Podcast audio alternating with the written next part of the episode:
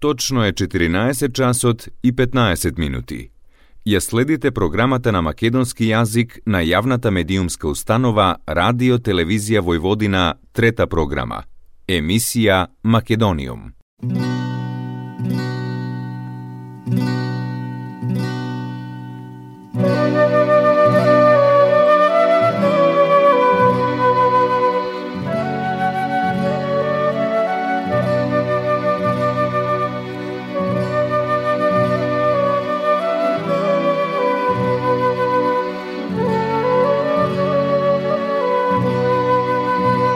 Македониум.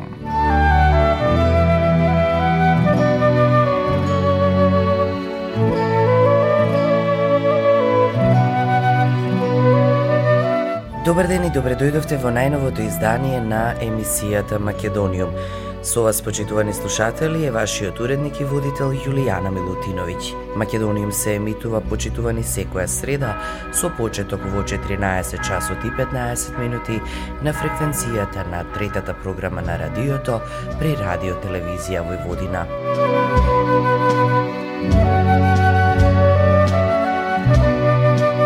Македониум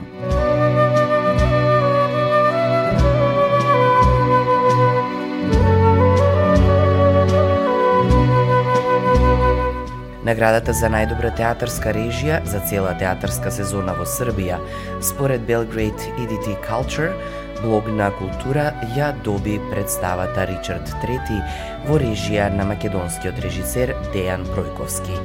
Тој е еден од најзначајните режисери во регионот, македонскиот режисер кој стана познат во регионот по спектакуларните представи, во Новосадскиот театар го постави и Шекспировиот Ричард III, кој својата премиера ја имаше на 11 април. Главната улога во представата ја толкува Арпад Месарош, а играат и Габриела Црнковиќ, Ливија Банка, Атила Немет. Олга Панго беше задолжена за сценското движење во представата. Сценографијата е на Валентин и Сергеј Светозарев, а музиката е на Горан Трајковски. За самата представа која сосема очекувано имаше одлична оценка од театарската критика, македонскиот режисер истакнува. Шекспир заедно со Достоевски, Толстој и Чехов имаат големо значење во театарот и литературата – Ричард III секогаш представува големо прашање за политичките системи и државните системи. Денес ја отвара и темата што е тоа демократија и дали тоа е најдобриот систем што можевме да го замислиме или е најдобар затоа што не можевме да измислиме подобар или посовршен. Пројковски со години наназад има успешни проекти со театрите низ Балканот. Предходно Ричард III беше абсолютен победник на театарскиот фестивал во Младеновац и ги доби наградите за најдобра представа и од жирито и од публиката. Македониум.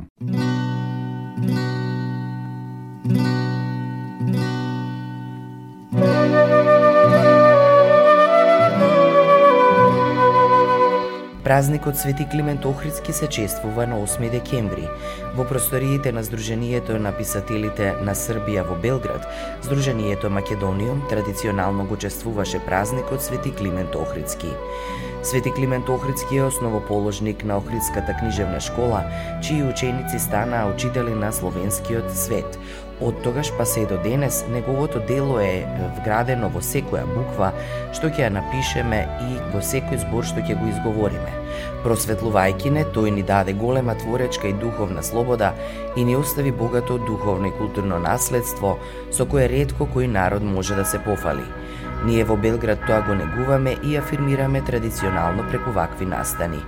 Денес го славиме ликот и делото на првиот словенски оригинален писател, основоположникот на првиот словенски универзитет, просветителот, учителот и светецот, патронот и заштитник на Македонската православна црква и најдаровитиот ученик на сесловенските браќа светите Кирил и Методи, свети Климент Охридски, истакна председателката на Сдруженијето Македониум Зорица Митровиќ. На настанот присуствуваа и македонската амбасадарка во Белград Михаела Веселинов и третиот секретар Емрие Мустафи, која на почетокот се обрати на присутните, како и подпредседателот на Сдруженијето на писателите на Србија Видак Масловарик, кој е воедно и уредник на престижната трибина Француска 7. За ликот и делото на Свети Климент Охридски говореше председателот на Друштвото на писатели на Македонија, Христо Петрески, кој истакне дека на ова чествување, покрај тоа што ќе се говори за заслугите на Свети Климент како зачетник на Охридската книжевна школа, на природбеничката мисија и неговата улога во свештенството како прв словенски епископ, тоа има големо значење и има символика – Многу е битно што македонците од Белград не го забораваат Свети Климент Охридски и што ги продолжуваат мостовите кои што постојат помеѓу македонците во Македонија и оние кои што живеат овде.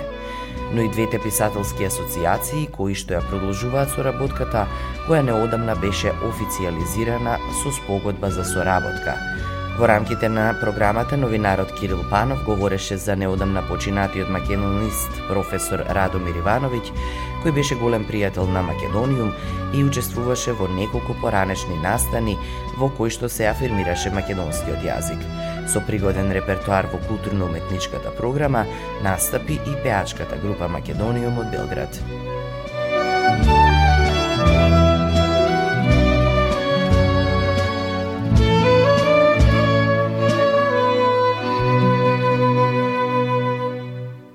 Македониум.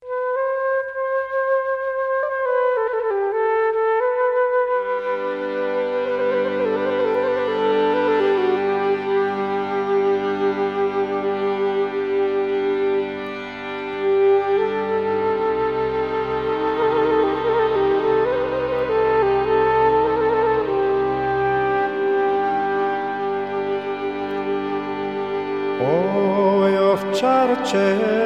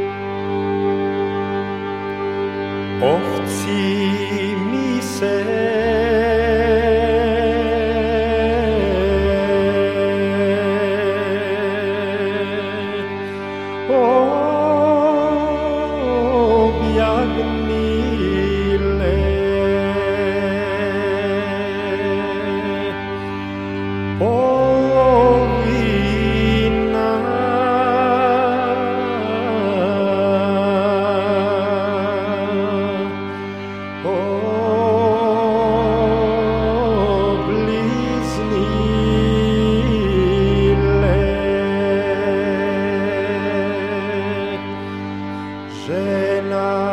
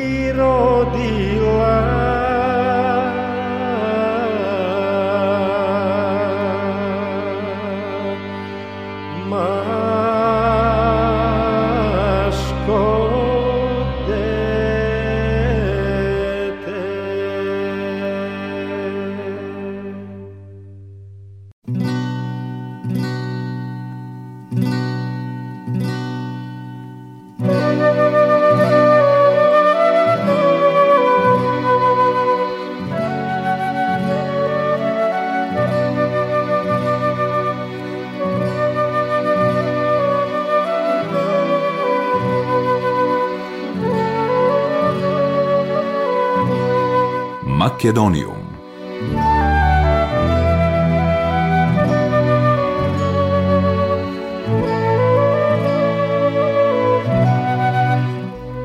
Паркот кај клупата на големиот македонски драмски писател Горан Стефановски во Дебармаало денеска со почеток во 17 часот во Скопје ќе биде осветлен и исполнет со неговите цитати на сите европски јазици.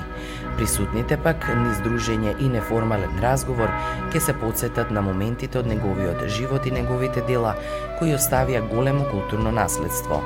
Заедно ќе ги вклучиме светилките во паркот и символично ќе му одадеме почит на Горан по повод 70 години од неговото раѓање. Паркот, покрај леди соларните светилки, ќе биде украсен и со рачно изработени сувенири од природни материјали – На секој од нив ќе биде испишана порака од последниот есеј на Горан Стефановски, искрата што се измолкнува, поместен меѓу кориците на идентитетот е приказна на Иван Антоновски. Сите живи суштества се раѓаат со инстинкт за преживување, пајаците за да преживеат ткаат мрежи, луѓето за да преживеат ткаат приказни. За нас нема ништо поважно од овие приказни. Тие се сршта на нашиот живот, рбетот на нашиот идентитет. Сакаме да ја започнеме празничната атмосфера во срцето на Скопје, покрај неговите омилени дебармалски култни места, проткаени со приказни кои ќе останат за многу генерации по нас, велат организаторите. Преводите на цитатот на Горан посочуваат биле обезбедени во соработка со Меѓународниот семинар за македонски јазик, литература и култура при Универзитетот Свети Кирил и Методи во Скопје, пријателите на Горан и колегите од делегацијата на Европската Унија. Чест ми е што на настанот ќе можам и да кажам некој збор за нашиот Горан, приказните и Европа. Да бидеме заедно пораката од искрата што се измолкнува, да ни даде нова светлина во ново поглавје од нашата приказна, посочува Иван Антоновски, автор на Искрата што се измолкнува, книга која детално го анализира и вреднува есеистичкото творештво на Стефановски. Настанот ќе биде придружен со тивка акустична музика од бендот Amniotic Fluid.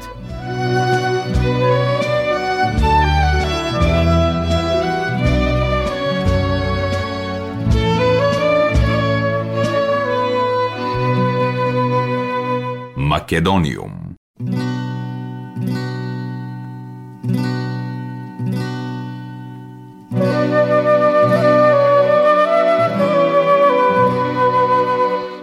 Публицистот Александар Трајковски за остварување во областа на публицистиката и новинарката Лаура Папранику Бейтула за остварување во областа на новинарството се добитници на државната награда Мито Хаджи Василев Јасмин оваа година.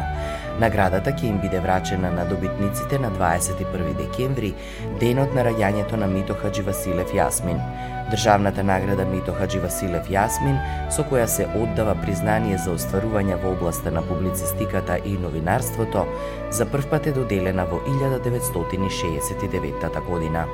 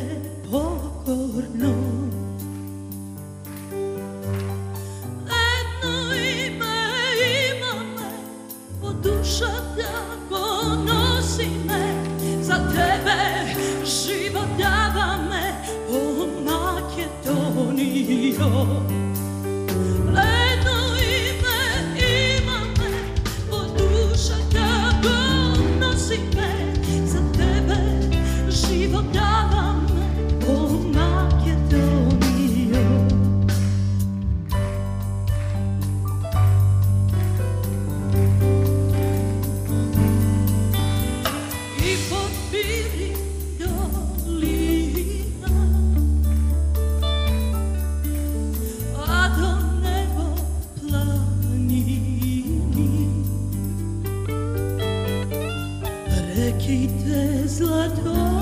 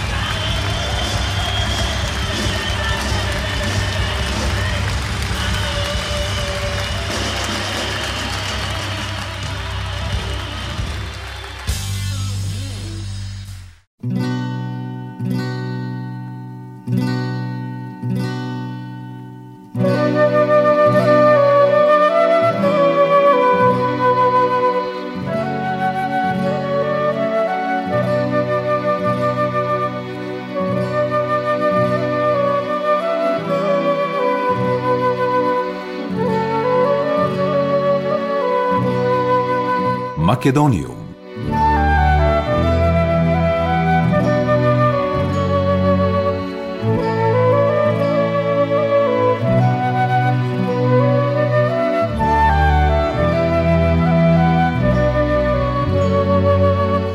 Вознемирена земја, чија корежисерка е Кумјана Новакова, се квалификуваше за номинација за Оскар за најдобар долгометражен документарен филм. Вознемирена земја е копродукција на Шпанија, Босна и Херцеговина и Северна Македонија. Автори се Новакова и Гилјермо Карера Сканди, а снимене во периодот од 2014 до 2020 Филмот влезе во наградата на Американската Академија за филмска уметност и наука, откако освои Гран При на 14-тиот фестивал на документарен филм ДМЗ Докс во Кореја. Светската премиера на Вознемирена земја беше на Сараевскиот филмски фестивал минатата година, кога беше во конкуренција за наградите Срце на Сараево, награда за човекови права и специјална награда.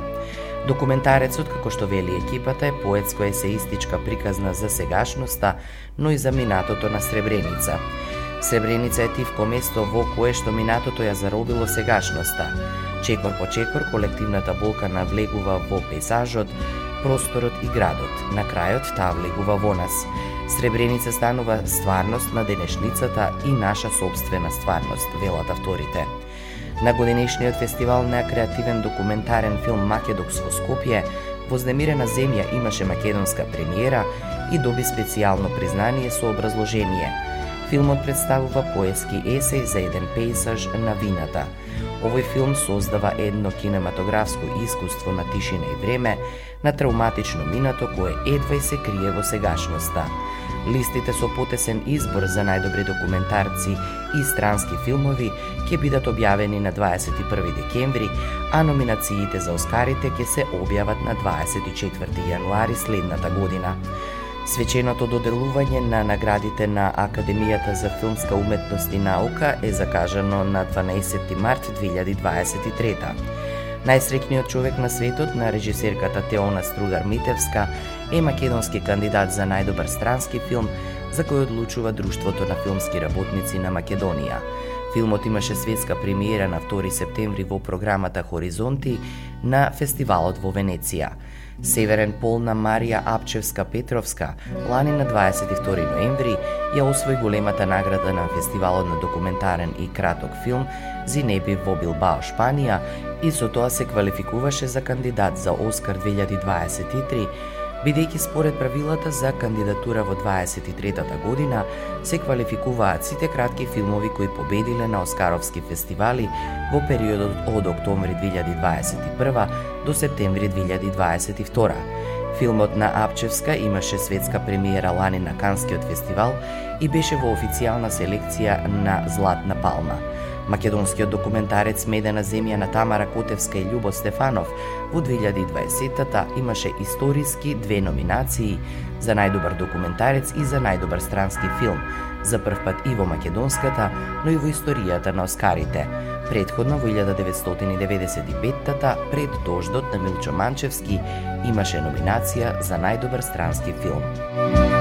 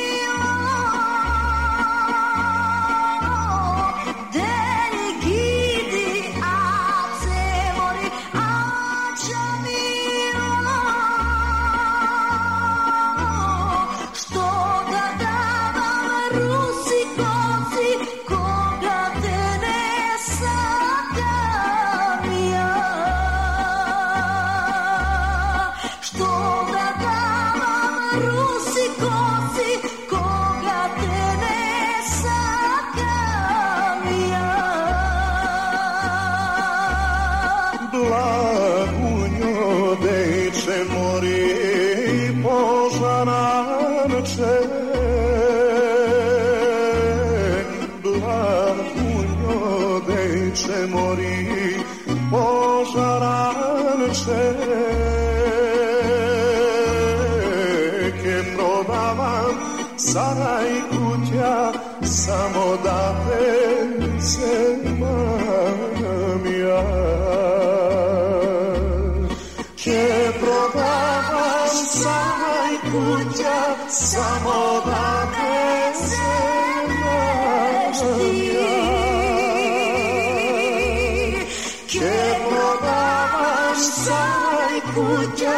amor.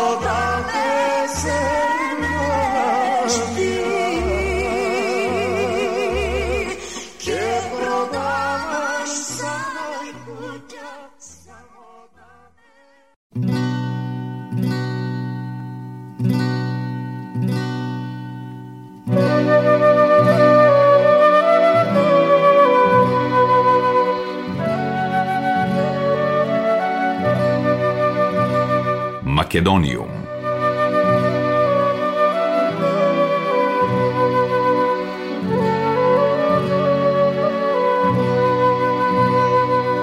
Почитувани слушатели, тоа беше се во денешното издание на емисијата Македониум. Поздрав од вашиот уредник и водител Јулијана Милутиновиќ до следната среда во исто време. Ја следевте програмата на македонски јазик, емисија Македониум.